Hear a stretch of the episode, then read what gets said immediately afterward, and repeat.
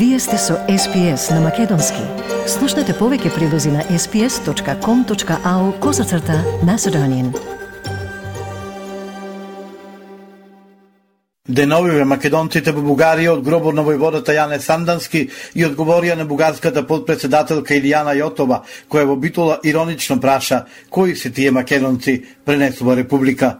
Тие и порача дека требало да оди во Мелник на Семакедонскиот собор, организиран од седум организации на бугарски државјани со македонска самосвет, за да ги види стотиците македонци кои наспроти дождот сепак дојдаа да му оддадат почит на Јане Сандански. Цитирам, да ги види македонците во Бугарија, за кои ниту чула, ниту видела, истите оние кои нејзината држава некогаш ги признавала, Истите оние кои нејзината држава со децении ги дискриминира. Истите оние кои веќе 32 години се мачат да регистрираат организации и партии во Бугарија.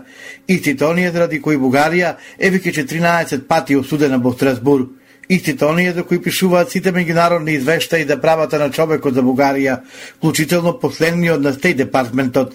Истите оние кои повеќе од деценија попусто бараа средба со нејзиниот шеф, председателот на Бугарија, кој ниту наоѓа време да ги прими, а ниту да им одговори. Може би треба да го праша Румен Радев или заедно да прашаат во канцеларија или архива кој тоа таму ги крие писмата на овие македонци, та бугарскиот вице-председател да не знае ништо за нив. На редовен брифинг за новинари на Европската комисија, Мија побара коментар за посетата на бугарската владина делегација на отпорањето на културниот центар Ванчо Михајлово Битола, како и коментар за најавата за нова блокада на патот кон ЕУ од страна на Софија. Портпаролката на Европската комисија Ана Писонеро го повтори ставот дека Бугарија и Македонија треба да изнајдат заедничко прифатливо решение за спорот, но одби да даде коментар за билатералните услови во ЕУ процесот.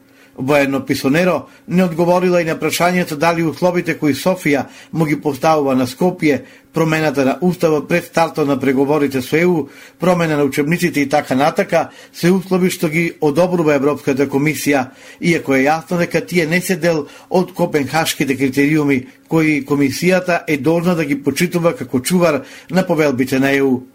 ЕУ не коментираше да посетата на бугарска делегација во контроверзно именуваниот центар во Битола, а не реагираше ниту на осудата од страна на еврејската заедница на Македонија. Последните случувања со отворањето клуб на Дружението Ванчо Михајлов во Битола ставија дамка на односите меѓу Македонија и Бугарија, но земјата не смее да подпадне на провокациите. Разговорите мора да продолжат да се отвори патот на европските интеграции на земјата, која не смее да го испушти возот во кој се наоѓа заедно со Албанија. Албанија. Ова е пораката на шефот на македонска дипломатија Бујар Османи, кој на пресконференција во Скопје одговараше на бројни прашања поврзани со најновите бугарски провокации кои што беа испратени на македонска територија. Мислам дека беше провокација, не отварањето на клубот, туку името на клубот е провокација за нашите граѓани, за нашата држава, бидејќи така се така се перцепира. Тоа е несреќен избор на на име на тој клуб. Не можам да кажам кои се намерите позади тоа.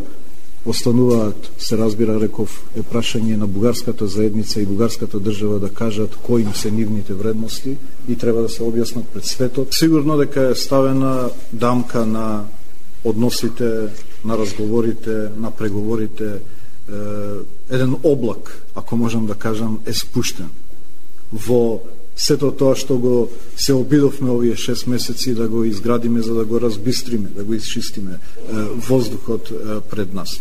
Но не, не можам да дозволам да ова го руши процесот. Македонска делегација не присутствуваше на настанот, што според Османи јасно е ставено до знање дека не се согласуваат со името на клубот и не даваат поддршка на тоа, а од друга страна не оставиле простор за бугарската страна да има либи дека земјата не ги почитува човековите права и дека е против организирањето на заедниците во земјата.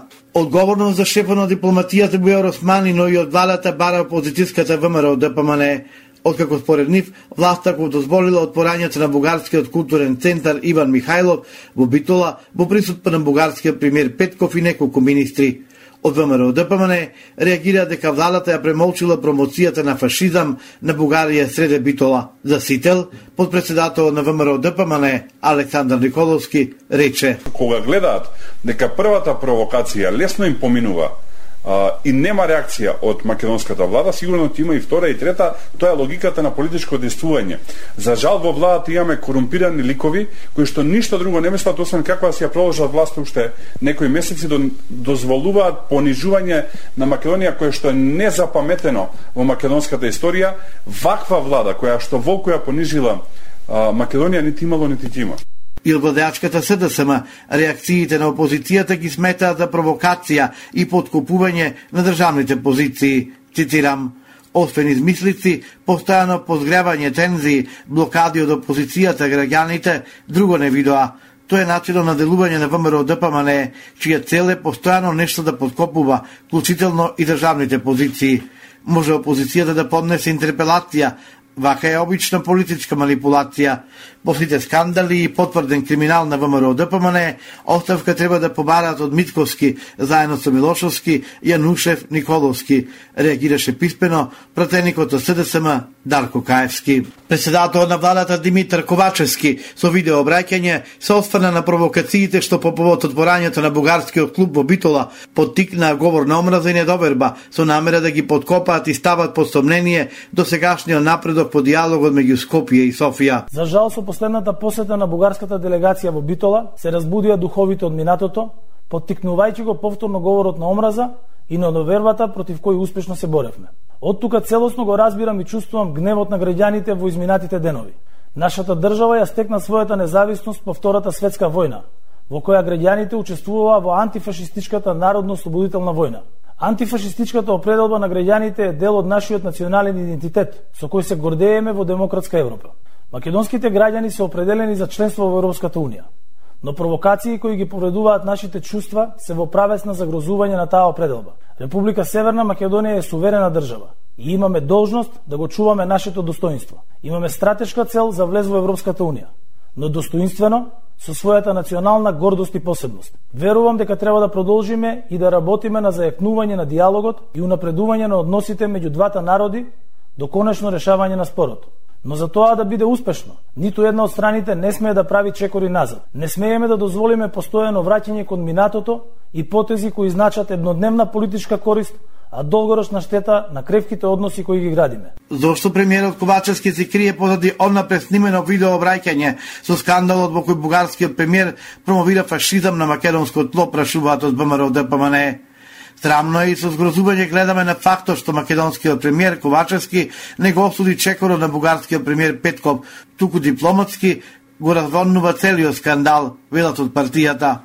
Уставниот суд предведе сени и укина здружение кое го величи ликот и делото на Ванчо Михајлов, регистрирано со неговиот прекар Ратко. Уставен ја поништи програмата за работа на дружението, бидејќи неговата работа била насочена кон уривање на државниот поредок, негирање на македонскиот народ и разгорување на националната нетрпеливост за поранешниот уставен судија Тренда Филивановски, регистрацијата на новиот бугарски клуб во Битола со името на иста спорна личност е непочитување на судска пракса. Сега се вара кој е кривецот, Централниот регистр наведува дека никој не го тоа други дека не е поведена постапка, не треба да се чека ни, ни момент понатаму, оти и се тоа што се што се случува, а органите не ги преземат действијата, било да е тоа законодавниот или извршниот извршните органи или судските органи, ако не ги преземат тие действија, тие стануваат соучесници во една таква во едно такво